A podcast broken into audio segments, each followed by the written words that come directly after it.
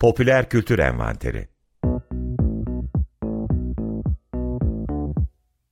I have a name, but never mind. Never mind. Never mind. The war was lost.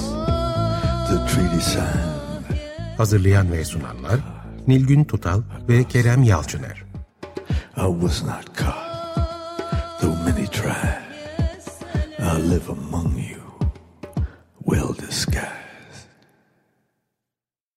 Herkese merhabalar. 95.0 Açık Radyo'da Popüler Kültür Envanteri'nin dördüncü nüshasını dinliyorsunuz an itibariyle. Ben Kerem Yalçınlar. Ben Nilgün Tutal.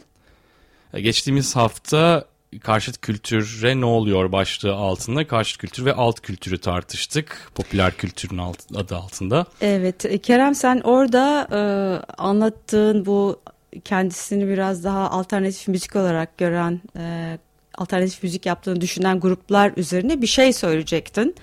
Ee, özellikle piyasaya eklemlenmeleri konusunda. Ee, istersen bunun altına bir çiz ondan sonra e, devam edelim. Çünkü biraz da hani neoliberalizm evet. e, bağlamında acaba kültüre ne oluyor sorusunu işte, bugün e, tartışalım. Onun bağlanacağı yer zaten aslında burası hani doğal olarak akışında gelecek. Şöyleydi aslında şu anda baktığımız zaman muhalif bir duruş, muhalif kimliğin bile bir piyasası, bir e, yani onun da bir değer olduğu e, toplumsal, siyasi ve ekonomi bir düzlemde yaşıyoruz ve hani burada muhalif olmak ve muhalif olmamak ayrımında muhalif olmak da bir etiket aslında ve onun da bir piyasası olduğunu söylemek istemiştim. Evet. Hı hı. Ee, yani bunun da bir piyasası var. Ee, ben bunu aslında bu kavramı yine Bourdieu'ya çok referans verdim birkaç programda da.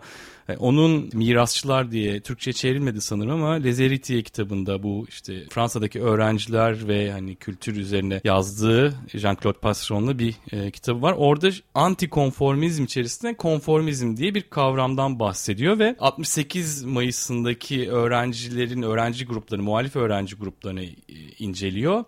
Ve orada da kendi yine ayrım işte sosyal ayrım e, teorisinden yola çıkarak bir sonuca varıyor. Şunu söylüyor işte o zamanki bu 68 kuşağın 68 Mayıs'ındaki fraksiyonlardan işte bir kısmı biz şöyleyiz biz aslında daha muhalifiz diğer de gruba ya da fraksiyona karşı diye böyle bir nasıl denir işte kendini ayrı tutma e, anti e, konformizm içerisinde kendine bir konfor alanı yaratma diyelim böyle bir e, şeye girişiliyor ve e, onun üzerine e, Marcel Gauchet diye başka bir düşünür yine Fransız şunu söylüyor. Bugün aslında çağdaş bir bireyi olmanın şartlarından birisi isyankar olmak, isyandır diye bir şey söylüyor ve e, diyor ki hani herkesin antikonformist olduğu bir durumda antikonformizm konformizme dönüşüyor ve hani artık hani sağ e, muhafazakarlık bu antikonformizm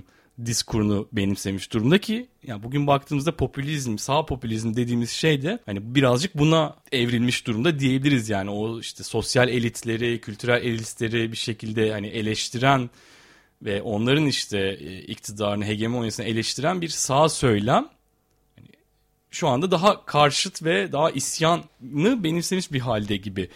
Yani bunu e, bilmiyorum e, tabii ki e, Goşe'ye bağlı olarak söyledin ama söylediğin bana hemen e, Türkiye'deki e, hani ezilmiş, bastırılmış işte ardından bu seçkinlerin e, sürekli dışla, dışlamasına maruz kalmış bir kesimin sesi olmak ile popülizm bizde e, iç içe girdi. Belki kendi içinde bir e, siyasi e, mücadelesi var iken daha sonra aslında çok da e, Türkiye siyasi tarihinden bildiğimiz bir popülizmin daha radikal bir şekilde kendini tekrar ettiğini görüyoruz. Benim aklıma e, Bernardo Bertolucci'nin The Conformist diye hmm. filmi geldi. Orada e, normal olmak ne demektir? E, normal olmak herkes gibi olmaktır ama aynı zamanda normal bir erkek nasıldır? Normal bir erkek işte yer içer, küfreder, kadınlar geçerken onlara laf atar, arkadan bakar gibi böyle bir e, hani o konformist olan ile popülist olan da normal erkeklik ya da beyaz erkeklik, egemen erkeklik e, söyleminin ne kadar e, güçlü olduğunu gösteriyor. Yani faşizmde de nazizmde de böyle bir erkek önceliği e, söz konusu ama hani birisi faşizm tüm libidinal olan her şeyi bastırıyor. Öbür taraf bunu e, başka bir şekilde bir e, ideale dönüştürüyor. Yani hani bir, birisi pornografikken diğeri daha mutasip e, gibi duruyor. Dolayısıyla hani bu e, konformizm konusu politik olarak e, düşündüğümüzde başka bağlamdaki düşünceleri de beraberinde getiren bir şey. E, muhalif olmak Türkiye'de kolay değil ama Muhalefet. dünyanın dünyanın e, niye konformist olduğu konusunda herhalde bu e, 80'lerden sonraki e, neoliberal ekonomi politikalarının dünyanın her yerinde kabul edilen model olarak görülen bir oydaşma üzerinden ulusal ekonomi sistemlerinin e, merkezine oturması ile başlayan bir süreç söz konusu diye düşünüyorum.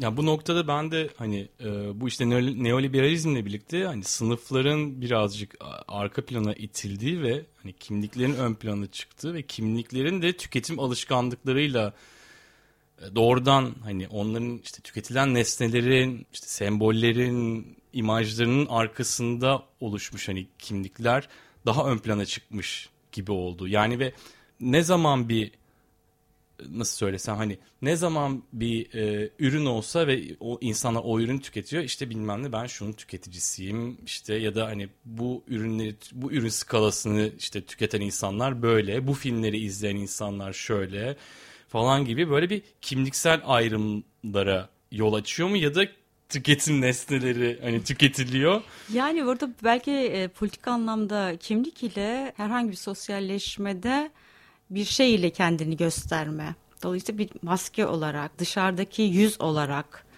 kimlik belki böyle e, ayırt edilebilir mi bilmiyorum ama hani 80'lerden sonra bir yandan hani neoliberal piyasa ekonomisi devletlere çok e, politik olarak ekonomide müdahale etme hakkı tanımadığı için neredeyse bütün dünya e, işte Çin hariç birkaç ülke hariç e, aslında bildiğimiz bu neoliberal ve daha çok sermaye yanlısı politikaları uygulamak zorunda ve bu bir dünya sistemi küresel bir sistem olarak nitelendirdiği için ulusal iktidarların içeride kimlik politikasıyla e, siyaset alanını iyice bir boğduğunu görüyoruz. Yani orası kimlik siyasetleriyle işgal edilmiş e, bir yer.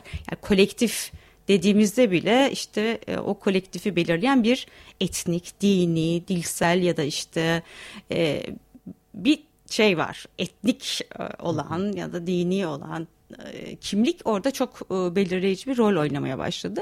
Bu biçimde aslında ulusal iktidarların iktidarsızlığından e, dolayı ortaya çıkan bir şey. Ama aynı dönemde neoliberal piyasa ekonomisi Avrupa ve Amerika'daki tüketici kitlesi dediğimiz tüketici kitlesi artık ona az gelmeye başladığında bu küreselleşmeyi yavaş yavaş bizimki gibi üçüncü dünya ülkelerinde de içine alacak şekilde genişletmeye başladı. Dolayısıyla birdenbire aslında tüketim alanı dediğimiz şey ya da tüketimi e, gerçekleştirecek piyasa tüm dünya olmaya başlayınca Orada yani işte bir e, müziği tüketiyor olmakla hem ulus içindeki benzer tüketim tercihlerine sahip olmak ile bir kimlik ama aynı zamanda bir e, yurt dışına da açılan hani e, tırnak içinde evrenselleştirilebilir bir şey haline geliyor. Ama öte yandan bence daha da e, hani vurucu olanı ya da bizim açımızdan benim açımdan biraz da üzüntü verici olanı tüm duygularımız ve hislerimiz, arzularımız nesnelerle ilişkilendiriliyor. Dolayısıyla X, Y destesini ya da Y mekanını işte şu e, doğa güzelliğini tüketebiliyor olmak bizi birdenbire bir haz ya da tatminle doldurması gereken bir şey olarak karşımıza çıkıyor. Öyle pazarlanıyor ve hepimiz bunun içinden yürüyoruz. E, burada çok karşı kültüre aslında yer yok. Ben de aslında birazcık bunu söylemeye çalışıyorum. Hani kapitalizm, tüketim toplumu dediğimiz şeyler sadece arzu ve hislerimize oynamıyor yani. Hani e, demeye çalıştım toplumsal kimliklerimiz de belirleyici bir rol oynuyor bu noktada. Yani o açıdan hani işte tüketilen ürünler bireysel ve sembolik olarak farklılaşma arzusunda da işte o hani karşıt olacaksın, işte muhalif olacaksın diye atıyorum işte bir takım şeyleri tüketmiyorsun ama başka bir şeyleri tüketiyorsun yine yani. yani orada bir yine bence kendini bir ayırma ama orada tüketim üzerinden kendini bir şekilde ayırma. Katmanlaşma dediğimiz şey de e, hani kimlik bir sürü kimlik üst üste biniyor. O kimlikleri oluşturan şey de her birinin ayrı tüketim alışkanlığı var. Her biri ayrı bir tüketim nasıl desem ya veganlığı ya da mesela vejetaryanlığı Hı. örnek alabilirsin. Nasıl onun kendi içinde özellikle veganlık mesela nasıl bir piyasaya dönüşüyor? Hı hı. Onun gibi aslında işte kadınlık, işte veganlık bu kimlikler üst üste biniyor ve her birine yönelik ayrı tüketim alışkanlıkları var ve her birine yönelik o ayrı tüketim alışkanlıkların da hani artık birbiri içerisinde dallanıp budaklandığında onlara göre farklı kimlikler bir şekilde hani oluşuyor ve burada da kapitalizmle o tüketim kültürüyle eklemleniyor. Muhalif olmak da aynı şekilde. Yani çünkü bu katmanlaşan, dallanıp budaklaşan şeylerin arasında muhalif, bu da var. muhaliflik de var. Ben onu daha çok üniversitede hani derler ya akademisyenler e, kendilerinin anladığı dilde ve kendilerinin okuduğu iyi iyi iyi şeyler üretildiğinde sadece kendilerinin okuduğu işler yapıyorlar. Şimdi de bunun aslında sivil toplumda ya da işte üniversiteler o kurumun dışında bir varoluş tarzı var. Orada çok daha aslında haklar, özgürlükler, e, işte bir şey alanında bir bilginin hani pratik bir şeye dönüştürülmesi söz konusu. Ama e, benim hani bazı konularda gördüğüm şey akademik alanda derinlemesine çalıştığında bunu akademinin dışına böyle çıkaramıyorsun. Dolayısıyla onun e, ya derinliğini ya işte katmanlarını bir tarafa bırakıp en pratiğe dönüştürülebilir yanını alıyorsun. Ve bu da kolayca da paraya e, tercüme edilebiliyor. Dolayısıyla hani akademik bilgi ile kamusal alanda belirli amaçlar için doluşan ve bunun bu dolaşımı içinde e, biraz daha nasıl desem basitleştirilmiş bir şey birdenbire yani maddi manevi destek gören bir şeye dönüşüyor. Seni daha çok anlıyorlar işte daha çok onu o söylem alanının dokunduğu konularda e, işte konuşabilirsin, araştırma yapabilirsin falan birdenbire bir fonlanma mevzu gibi bir şey ortaya yani çıkıyor. Bugün zaten hani baktığımız zaman özellikle hani ben doktora yapan arkadaşlarımdan e, tanıdığım insanlardan biliyorum. Daha çok mühendislik alanında oluyor bu bunlar. Hani ama sosyal bilimlerde de e, rastlanıyor. Şirkete yapıyorsun doktoranı yani şirkette senin doktoranı finanse ediyor gibi durumlar yani. Hani ben hep bunu zaten savunurum yani. Türkiye'de işte sosyal bilimlerde e, Ermeni, işte Kürt, kadın, LGBTİ işte bu ana konuları çalışmıyorsan kendine çok zor bir yer. Yani bu konulara dokunmayan bir şey çalışıyorsan kendine finansman bulman, işte burs bulman, bir şey yapman zor. Zor. Kendi ama, kişisel deneyimden söylüyorum. Ama bunu. orada e, tüm bu konuları çalışabilirsin ama bu daha çok böyle akademik söylem alanına kapatılmış bir şey ise e, benim biraz önce söylemeye çalıştığım o. Onun da aslında algılanma, takdir görme ya da bir maddi manevi destekle bir arada olma hali neredeyse sıfır. Dolayısıyla bu e, biraz hani e, üniversitelerinde artık bilginin tüketildiği ve diplomaların bilgiye dönüştüğü bir yer olduğunu düşünürsek. Satın alındı e, diplomaları. Evet yani bilgi artık e, diploma eşittir. Sonra da onun bir parası var. Böyle düşünüldüğünde yani kendi içinde bilgi için bilgi hani sanat için sanat gibi bir şey. Onun içine kapandığınız anda da hiç kimse nezdinde bir değeri yok aslında. Sadece yapan kişi için ya da 3-5 kişi için bir e, değeri var. Ha bu bir muhaliflik mi? Ben kendi içinde onun hani bulunan ortamda bir tür muhaliflik olduğunu düşünüyorum. Bedeli ağır oluyor ama. Yani hem belli şeylerin belli şekillerde dile getirilmesinin dışında e, kalabilirsiniz ya da hani daha çok başka şeylere tercüme edilebilir bir e, çalışma biçimi tutturmadığınızda da kendi köşenizde kendiniz için çalışmaya uzunca bir süre devam edebilirsiniz. Zevkli aynı zamanda da tabii. Şeyden bahsediyorduk. Yani, muhalifliğin de bir piyasasının olduğundan bahsediyorduk. Aslında üstü kapalı olarak akademisyenlikte bile bir muhalif olma halinin kendisinin akademik olmanın ötesinde e, çok da akademik olmayla bağlantılı olmayan bir simgesel değer haline geldiğini söylemeye çalışıyorum. yani ben yine müzik e, alanında geçen sefer çok fazla e, bu karşıt ve alt kültürü konuşurken müzikten örnek verdim. Yani kendimi de çalışma alanım olduğu için ya şöyle bir şey vardı. Ben kendi çalışmamda işte geçen programda söylediğim gibi karşı kültürü aslında tekabül eden underground yeraltı kavramını kullanıyordum. Sağ araştırmamı yaparken yaptığım mülakatlarda aktörlere mülakat yaptığım insanlara şunu soruyordum. Sence underground nedir diyordum. Ve insanlar böyle bunu tanımlamak yani zaten bir şey tanımlamak her zaman zordu. Ama e, bu kavram da geçen programda da demiştik yani bir şeyin hani e, öznel şekline inmek, o kontekste, o bağlamına inip araştırmak gerekiyor.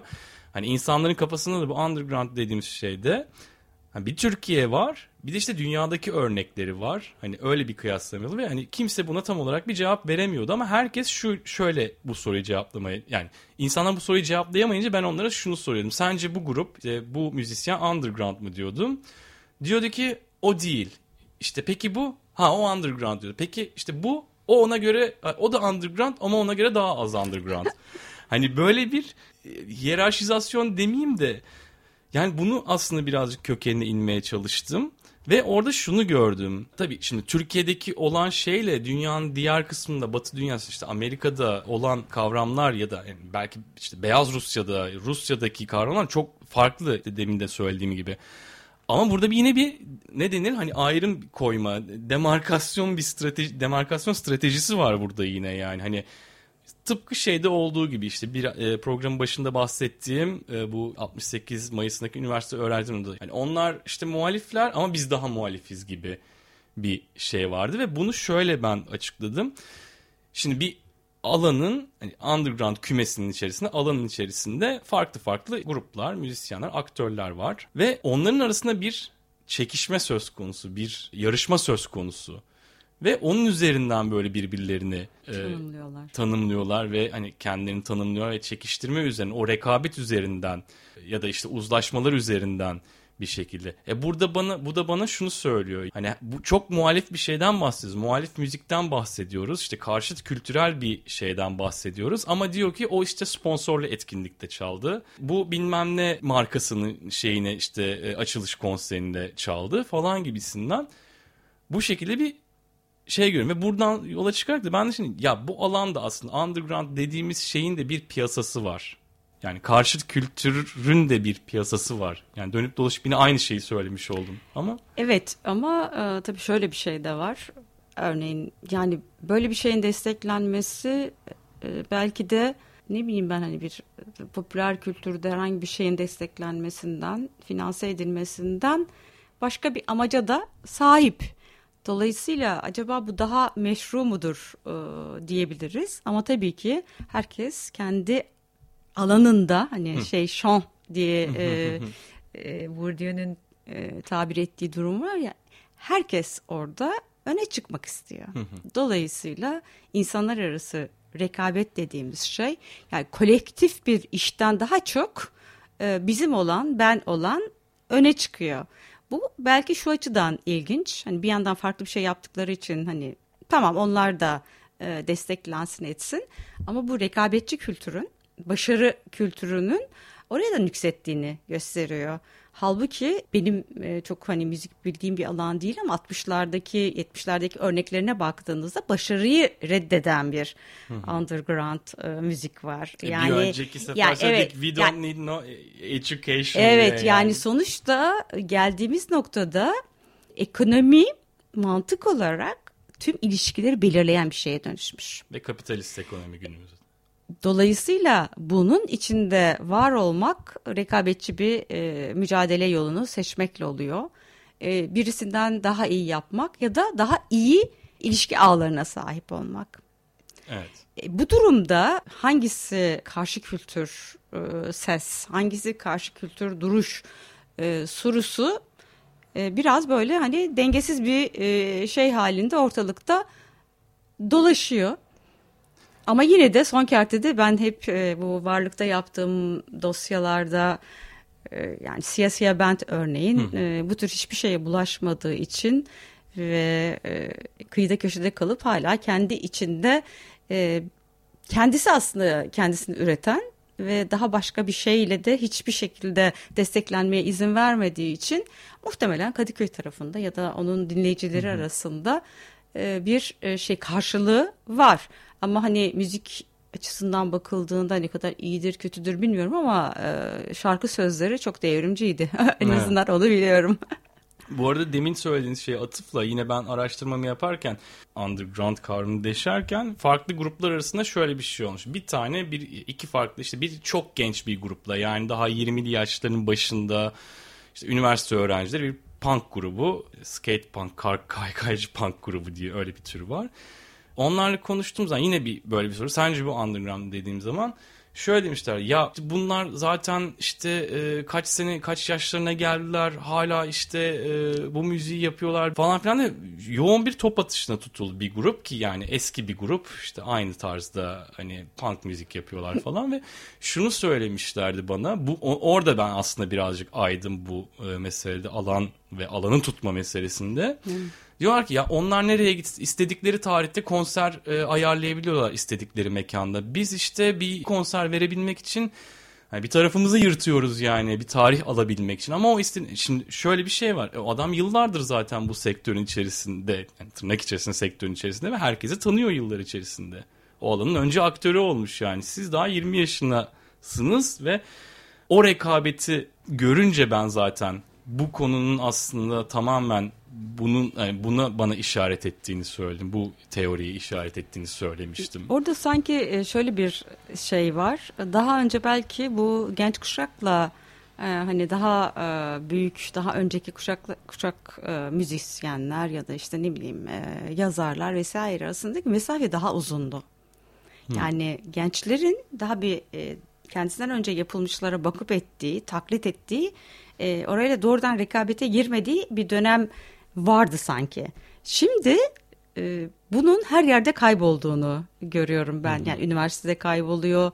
E, yani sonuçta kimse dönüp e, bu alanda büyükler ya da ilkler kimlerdi, böyle bir gelenek nasıl oluştu, onun içinden neler yaptık gibi bir şeye e, çok da aslında dönüp bakmak istemiyor. Kendi bulunduğu yerden ve kendi yaptığının e, punk dediği şeyin örneğin e, tek örneği, en iyi örneği ve her yerde dinlenmesi gereken örneği olduğunu düşünüyor. Sanırım günümüzde yaşadığımız bu e, hızlanmayla da ilgili bir şey. e, bir de hani teknik araçlar bazı şeylerin kaydedilmesine, yapılmasına daha çok imkan sağladığı için kuşaklar arasındaki ara evet. bence kapa kapanıyor yetkide.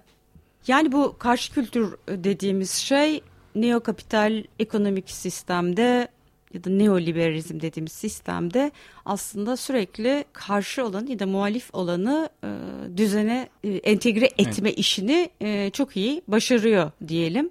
E şimdi 68 e, kuşağındaki o, o zamanki aktivistleri düşündüğümüz zaman solcuları bir baktık 80'den sonra hepsi reklamcı oldu ve o işte güzel sloganlar bir anda reklam sloganları haline geldi. Yani burada nasıl bir e, şimdi çok iyi çalışan bir zihin, çok iyi slogan üreten bir zihin aynı zamanda çok iyi bir reklamcı haline geldi yani buradaki karşıtlık. Yani bu kuşak çok okuduğu için bence öncelikle ve tartışmayı bildiği için ayrıca da toplumsal gelişmeleri politik, ekonomik, kültürel çok yakından izlediği için e, kendi, kendi, kendi zamanının ruhunu da iyi biliyordu. Dolayısıyla bir e, ürün gelip de hani bunun reklamı nasıl yapılır dediğinde gerekli olacak bilgiye sahiptiler. Dolayısıyla e, bir yandan belki hani kendileri yaşamak için diyecektir ama bir yerde yaratıcılık olan kapitalizmde hani bu yıkıcı yaratıcılık diyoruz ya hmm. e, ona dönüştü. Belki kimilerinin e, hayatının refahını artırdı ama bir yandan da e, insanların e, e, toplumsal varoluşunu e, dış görünüş ile e, eşitleştiren ya da ne bileyim işte taktığı saat ile taşıdığı çanta, giydiği ayakkabının markası filan böyle hepimizin birçok etiketi olmaya başladı. Hı hı. Ve etiketimize göre değerlendik ya da değersizleştik. Ama bir yandan da şöyle bir şey var hani ilk bu gösterişçi tüketimi eleştiren ya da işte düşünmek üzere yola çıkmış e, sosyologların söylediği. Şimdi e, sanayi toplumu kalabalık bir toplum ve herkes birbirine benziyor. Bir yandan e, bunların kendi içinde ayrışması gerekiyor ama artık işte e, çiftçi köylü vesaire işte e, gibi ayrımlar daha aslında sosyal tabakaya ve mesleğe uygun ayrımlar çok e, kalabalıkların içinde olduğumuzda belli olmadığı için o kalabalıklarda dışarıdaki yüzümüzü ancak dışlar dışsal şeylerle gösterebiliriz. Sanırım kapitalizm de bunu e, bunun üzerine çok oynadı. Yani tüketim e, alışkanlıkları. E, Evet yani sonuçta çok iyi e, bir bir alanda çok iyi uzmanlaşmış vesaire biri olabilirsiniz ama kendinize dikkat etmeden işte o sözü otoritenizle taşıyacak bir kıyafetiniz yoksa aslında sözünüzün de bir e, bir önemi yok. E, böyle yerlerde tüketim aslında oralarda insanlar arasındaki ilişkiyi gösteriye dönüştürüyor demişti zaten e, Guy Debord. Böyle bir durumda yani işte bazı politikacı kadınlar kot pantolon giyip üstüne ceket giyip de e, işte lastik ayakkabıyla spor ayakkabısıyla dolaşıyorsa bir yandan rahat, e, konforlu, sportif ama öte yandan e, belli bir kadınlık tipine de işte topuklu ayakkabılarla çıt çıt yürüyen işte döpiyes giyenlerden de farklılaşmış oluyor. E, dolayısıyla o dış görünüş dışarıya verdiğimiz e, mesaj ve hani bununla karakterimiz arasında bir uyum e, sağlamaya çalışıyor gibiyiz. Tabii asıl önemli olan e, acaba karakterimiz e, bununla oluşabilir mi? Bununla dışa vurulabilir mi? Yani hani bir şey çok böyle pahalı şeyler ya da işte üstüne çok iyi olan bir şeyler giydiğinde o gün böyle dışarıda hani ya evet otoritesi de iyi hani hı. bir karizmatik bir hali var derler. E, bu sürdürülebilir bir şey mi? Onu pek e, pek iyi bilmiyorum. Yani bir şeyin içi olmadığında dışı e, etkisini nereye kadar sürdürür? Yani muhaliflik de öyle bir şey. e, muhalif olmak var bir de gerçekten gerektiğinde e, gerekeni ve hiçbir şekilde iktidarın e, sana yönelteceği şiddeti karşılamaktan kaçınmamak var. Yani bence hani bu psikanalizdeki gerçekle karşılaşma gibi uçurumdan aşağı düşerken hala muhalif misin? evet bu şey değil mi? Hani uçak düşene kadar e, herkes ateisttir. Evet aynen onun gibi bir şey. Peki o zaman bu hafta da yine birazcık karşı kültür muhalif olmak ne kadar mümkün? Geçen haftadan devamlı e, bunu konuştuk popüler kültür bağlamında. Haftaya yeni bir konuyla tekrar popüler kültür envanterinde açık dergi içerisinde birlikte olacağız. Görüşmek dileğiyle. Evet görüşmek üzere. Hoşçakalın.